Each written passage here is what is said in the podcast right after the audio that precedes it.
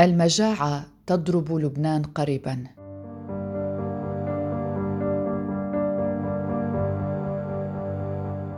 أهلا بكم في حلقة جديدة من بودكاست في عشرين دقيقة. سنسلط فيها الضوء على تقرير جديد يكشف واقعا خطيرا وسنتحدث أيضا عن احتياطات البلاد من النقد الأجنبي في لبنان وسرعة نفاذها معكم براء صليبي. سلط موقع تاكس شو الألماني سلط الضوء على الأزمة المالية والسياسية والاجتماعية التي يعيشها لبنان خصوصا مع خسارة الليرة لقيمتها وارتفاع الأسعار بشكل جنوني. وأشار الموقع في تقرير جديد له إلى أن عوامل مثل فساد النظام السياسي وتدهور الاقتصاد ووباء كورونا ساهمت في تفاقم الأزمة في لبنان لافتا إلى أنه في ظل تزايد أسعار المواد الغذائية بشكل مضطرد والفقر المدقع فإنه من المحتمل أن تشهد البلاد مجاعة. يفيد التقرير بأن التوقعات تشير إلى أن بحلول نهاية الشهر مايو أيار ستنفد احتياطيات لبنان من النقد الأجنبي وتقل الإعانات المالية للأغذية الأساسية لتعود الأسعار للارتفاع من جديد. ويبرز موقع توك شو حال الناس مع الغلاء وتحدث عن كيف أن هناك من لا يتمكن من شراء سوى الخضروات الفاسدة وأن هناك من لا يقدر حتى على فعل ذلك. لأن أكثر من نصف سكان لبنان يعيشون تحت خط الفقر. فاللبنانيون يواجهون وبشكل يومي ارتفاع أسعار السلع خصوصا المواد الغذائية التي يتم استيراد جزءا كبيرا منها من الخارج ويتم دفع ثمنه باليورو أو بالدولار الأمريكي. الخبير المالي في بنك بيبلوس نسيب جبريل قال إن الأزمة عميقة وتتكون من عدة أزمات أخرى. قال أيضا بأن اللبنانيين عانوا أزمة اقتصادية وأزمة مالية وأزمة عملة قبل تفشي وباء كورونا ثم جاء انفجار مرفأ بيروت المشؤوم يوم الرابع من آب أغسطس 2020 فزاد الأمر سوءا. ومع هذا يعتبر جابرييل أن تشكيل حكومة جديدة سيكون الشرط الأساسي للخروج من هذه الأزمات مشيرا في الوقت نفسه إلى أن الأحزاب السياسية تتصارع بدلا من تشكيل حكومة جديدة وأكد أن لبنان بحاجة إلى حكومة ذات مصداقية محليا ودوليا والحكومة يجب أن تعمل على صياغة خطة إصلاح شاملة للاقتصاد والميزانية العامة حتى تتمكن من تحسين الظروف الاجتماعية والوضع النقدي.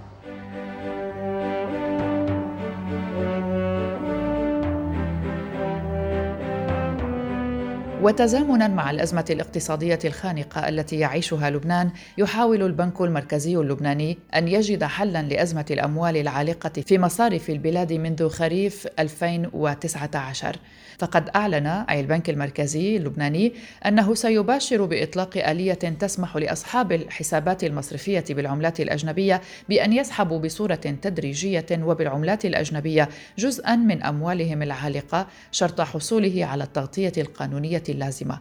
وأوضح مصرف لبنان في بيان له أنه يفاوض حاليا المصارف اللبنانية بهدف اعتماد آلية تبدأ بموجبها المصارف بتسديد تدريجي للودائع التي كانت قائمة قبل السابع عشر من تشرين الأول أكتوبر 2019 وكما أصبحت في الحادي والثلاثين من آذار مارس 2021 وذلك بالعملات كافةً.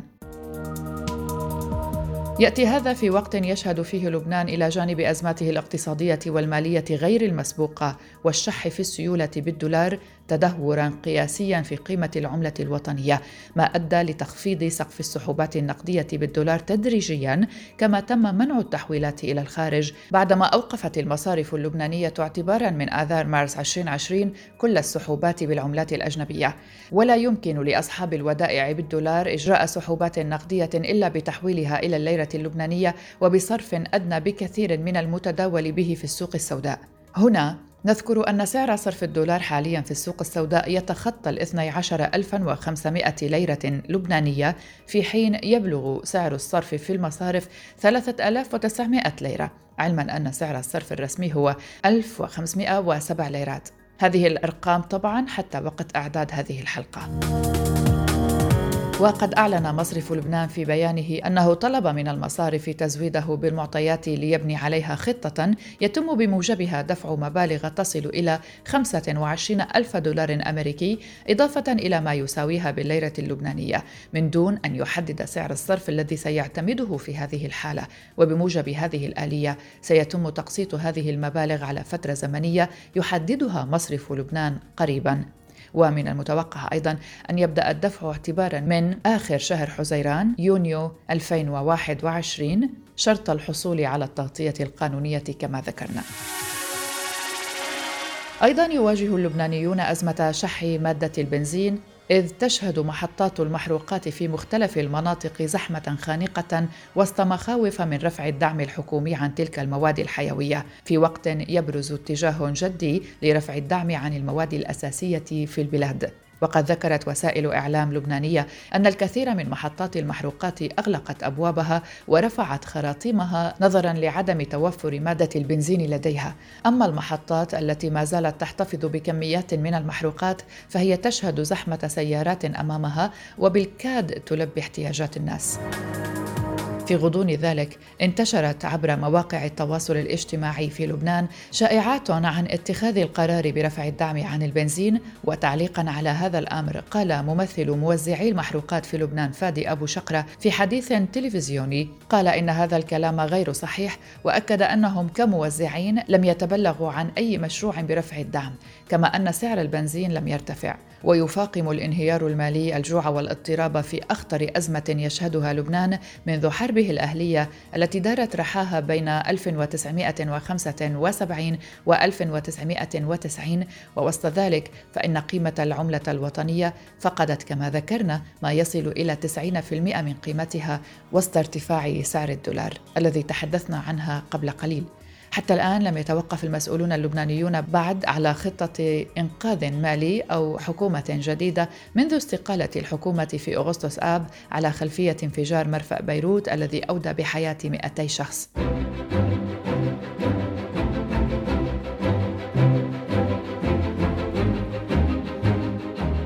ما هي تبعات كل ما تحدثنا عنه؟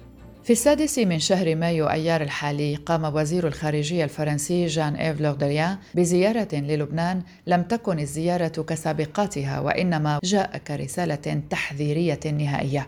فقد وصفت هذه الزيارة بألقاب كثيرة الحاسمة زيارة الفرصة الأخيرة والإنذار الأخير لأن بعدها بحسب محللين لن يكون مثل ما قبلها فإما أن يكون هناك تفاهم بين رئيس الجمهوريه ميشيل عون والرئيس المكلف سعد الحريري وحكومة جديدة أو قد يكون هناك عقوبات فرنسية أو اعتذار للحريري وربما الذهاب إلى السيناريو الأسوأ انهيار شامل وانفجار اجتماعي. العقوبات بشر بها لودريان القادة اللبنانيين وقال بأنها ستدخل حيز التنفيذ ضد من وصفهم بمعطل لتأليف الحكومة ورغم أن الآراء تتوافق على أن زيارة الوزير الفرنسي إلى بيروت قد لا تفضي إلى حلول جذرية للأزمة لكنها تحمل تحذيرا جديدا لرموز الأزمة السياسية في حال عدم تعاونها مع المجتمع الدولي. ورغم أنها ليست المرة الأولى التي يتم فيها تهديد المسؤولين اللبنانيين من قبل باريس ولكن هنا سألنا ضيفنا السيد توفيق قويدر شيشي وهو كاتب مختص بالشؤون الأوروبية سألناه ما الفرق في هذه المرة نقصد التهديد الفرنسي وما هي أهمية هذه الزيارة المختلفة. هذه الزيارة يعني لديها أهمية قصوى والجديد فيها هو أنه آه أنه فرنسا أو ماكرون الإيليزي عازم على حل الأزمة. يعني لولا جائحه كورونا لا كان يعني هناك يتنقل وتنقل أول كان التفكير كان أول رئيس انتقل إلى لبنان. آه، أثناء انفجار مرفأ بيروت. اذا آه، فرنسا تعي المشكلة جيدا. وماكرون هو في أريحية. لماذا في أريحية؟ هو الرئيس الوحيد الذي يمكن أن يخاطب كل الفرقاء في الأزمة اللبنانية. يعني يخاطب حزب الله وقد صرح بذلك. وكانت اتصالات سرية وعلنية بينهم.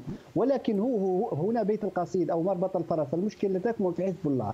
ثم أن المشاورات يعني توسعت إلى أصحاب القرار وهم السيد الحرير ميشيل عون وقوى أنصار التغيير.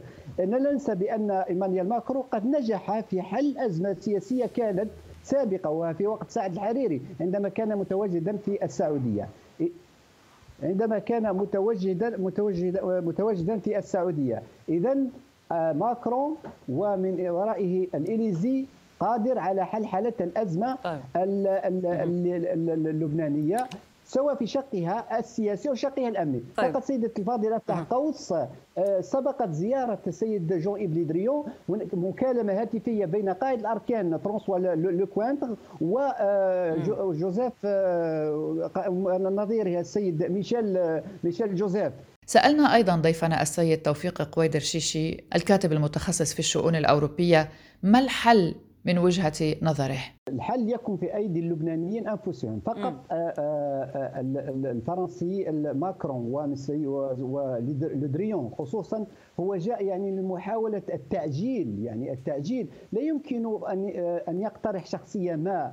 أو يقوم بتعيين يعني ليس من المنطقي على جون ايف لودريون أو ماكرون أن يلمح ولو بالتلميح بأن يقول يقول هذا رئيس الحكومة وهذا رئيس آه، الوزراء وهذا وزير الخارجية لا اعتبر تدخلا في الشأن الداخلي. وكم من يعني قوى سياسية لبنانية قالت بأننا نرفض التدخل في الشؤون الداخلية. وبالتالي هذا يعني فرنسا لم تهضم هذا ال ال هذا الكلام من من بعض القوى بعض الأحزاب والجمعيات والحقوقية في لبنان. اذا فرنسا مصرة آه، من خلال تواجدها الأمني. حل المشكلة كذلك مع آه، الجاره الجيران آه، زيد على ذلك حل المشكلة الاقتصادية. فرنسا ليست لديها أوروبا يعني بصفة ليست لديها مشكلة في ضخ أموال. يعني يمكن أن تقوم بمساعدات مالية والبنك المركزي الأوروبي يعطي مساعدات. ولكن التخوف الذي تخشاه فرنسا وخاصة بصفة خاصة آه، ماكرون أين نعم. سوف تذهب هذه الأموال إذا ضخت أين طيب. هل تكون في أيدي آمنة؟ هل توصل إذا وصلت بطريقة غير مباشرة حزب الله؟ هذا هو مشكل. ممكن أن تتوسط فرنسا لديها آلية أخرى فرنسا لديها أريحية. يمكن أن تتوسط أو تت... لدى المملكة العربية السعودية لدى دولة الإمارات آه، حتى يعني أن تقوم بالمساعدة لبنان. ولكن السؤال الذي يقلق هنا فرنسا وأنا تطرقت تصفحت عدة صحف هنا فرنسا أين تذهب الأموال في حالة ما إذا ضخت هذه الأموال. إذا ذهبت ذهبت بطريقه إلى حزب الله فهنا الم... يعني وكأن الأزمة لم تحل سيدتي الفاضلة وبالتالي آه، يعني وكأن نبقى في مسألة تمويل حزب الله بطريقة لبنانية. طيب. وهذا تفضه فرنسا وأوروبا بصفة عامة. لعل أهمية الزيارة تكمن في أنها الأولى من نوعها منذ تراجع وتيرة الاهتمام الفرنسي بلبنان مع إلغاء الرئيس الفرنسي إيمانويل ماكرون زيارته التي كانت مبرمجة أواخر العام الماضي لتقتصر على بعض التصريحات الدورية لكل من ماكرون ولودريان والتي طغت عليها لغة التأنيب والتحذير من دون أن تؤدي إلى أي خرق أو كسر للجمود السياسي في لبنان. إذا لا تزال الأنظار مشدودة تجاه نتائج زيارة لودريان في لبنان رغم تضارب التقارير عن جدول أعمال الزيارة وعمن التقاهم الوزير الفرنسي وبالتالي الأهداف المنشودة من ورائها. وما إذا كانت باريس تسعى عمليا إلى إعادة الاعتبار من خلالها لمبادرتها للحل في لبنان بعدما تأخرت كثيرا. وفي محاولة لمضاعفة الضغوط على الطبقة السياسية فرضت فرنسا الشهر الماضي قيودا على دخول شخصيات لبنانية تعتبرها مسؤولة عن المراوحة السياسية وعن الفساد ولم يتم حتى الآن الإفصاح عن هوية الشخصيات أو ماهية هذه القيود. واليوم وبعد مرور نحو تسعة أشهر على استقالة حكومة حسان دياب إثر الانفجار ورغم الانهيار الاقتصادي والضغوط الدولية لم يتمكن رئيس الحكومة المكلف سعد الحريري من تشكيل حكومة على وقع خلاف على الحصص مع التيار الوطني الحر الذي يتزعمه الرئيس اللبناني ميشيل عون. ثمانية عشرة زيارة قام بها الحريري إلى رئيس لبنان خلال سبعة أشهر لم يتمكن خلالها من تشكيل حكومة هل سينجح هذه المرة؟ سألنا هذا السؤال للسيد مصطفى علوش نائب رئيس تيار المستقبل في لبنان فكان جوابه طبعا هذا مرتبط بمدى آه، يعني تعقل رئيس الجمهورية وفريقه السياسي بأنه انهيار لبنان سيؤدي إلى انهيار هذا الفريق بأكمله ولا مجال بأن يبقوا على سدة حكم فارغ.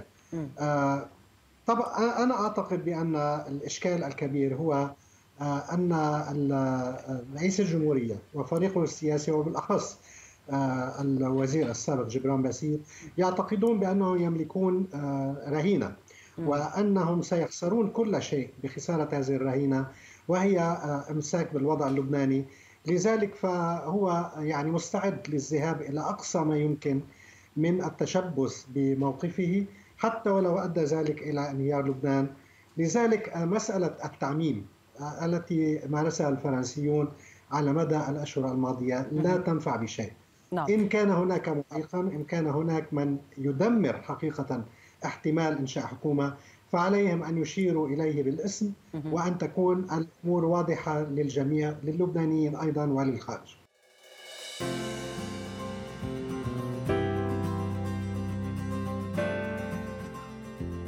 فرنسا لن تكتفي بفرض قيود على دخول شخصيات لبنانية تعرقل العملية السياسية في لبنان إلى أراضيها. ولكن على ما يبدو بأن الاتحاد الأوروبي يستعد لفرض عقوبات على السياسيين في لبنان الذين ينظر إليهم على أنهم هم من يعرقلون تشكيل الحكومة ويجهز الاتحاد الأوروبي أول عقوباته على حليفه في الشرق الأوسط بسبب الإحباط من سوء إدارة النخبة الحاكمة.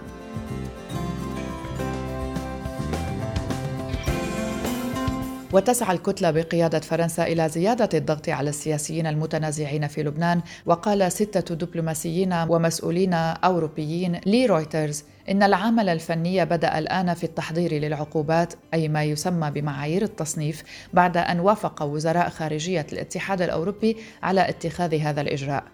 ونظرا لأن العديد من كبار السياسيين اللبنانيين لديهم منازل وحسابات مصرفية واستثمارات في الاتحاد الأوروبي ويرسلون أبنائهم إلى الجامعات هناك فإن سحب هذه الأصول يمكن أن يكون من ضمن الإجراءات الفعلية التي تدل على مستوى نفاذ الصبر الأوروبي الآخذ في الازدياد.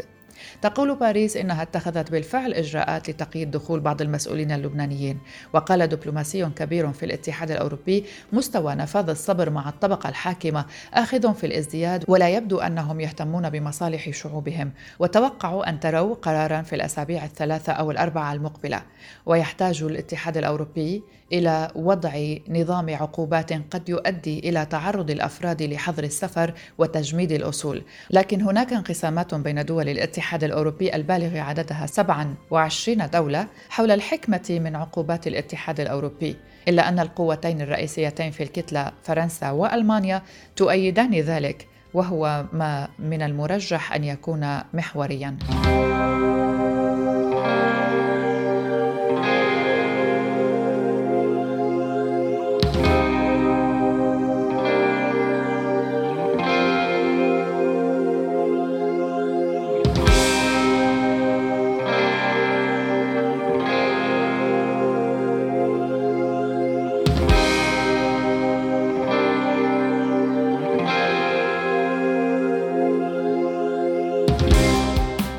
هذه كانت حلقة من بودكاست في عشرين دقيقة من إعدادي وتقديمي براء صليبي شكرا لكم لحسن المتابعة. إلى اللقاء.